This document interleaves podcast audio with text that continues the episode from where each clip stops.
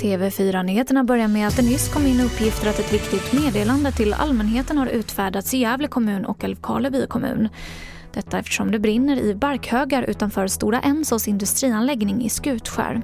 Räddningstjänsten är på plats och det är stor spridningsrisk. Det var fem personer som drunknade i maj månad enligt preliminära siffror från Svenska Livräddningssällskapet.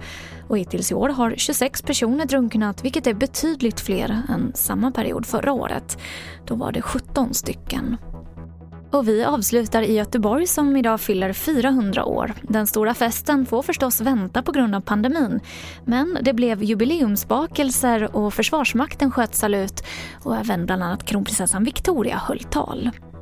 Och det var det senaste från TV4 Nyheterna. Jag heter Emily Olsson.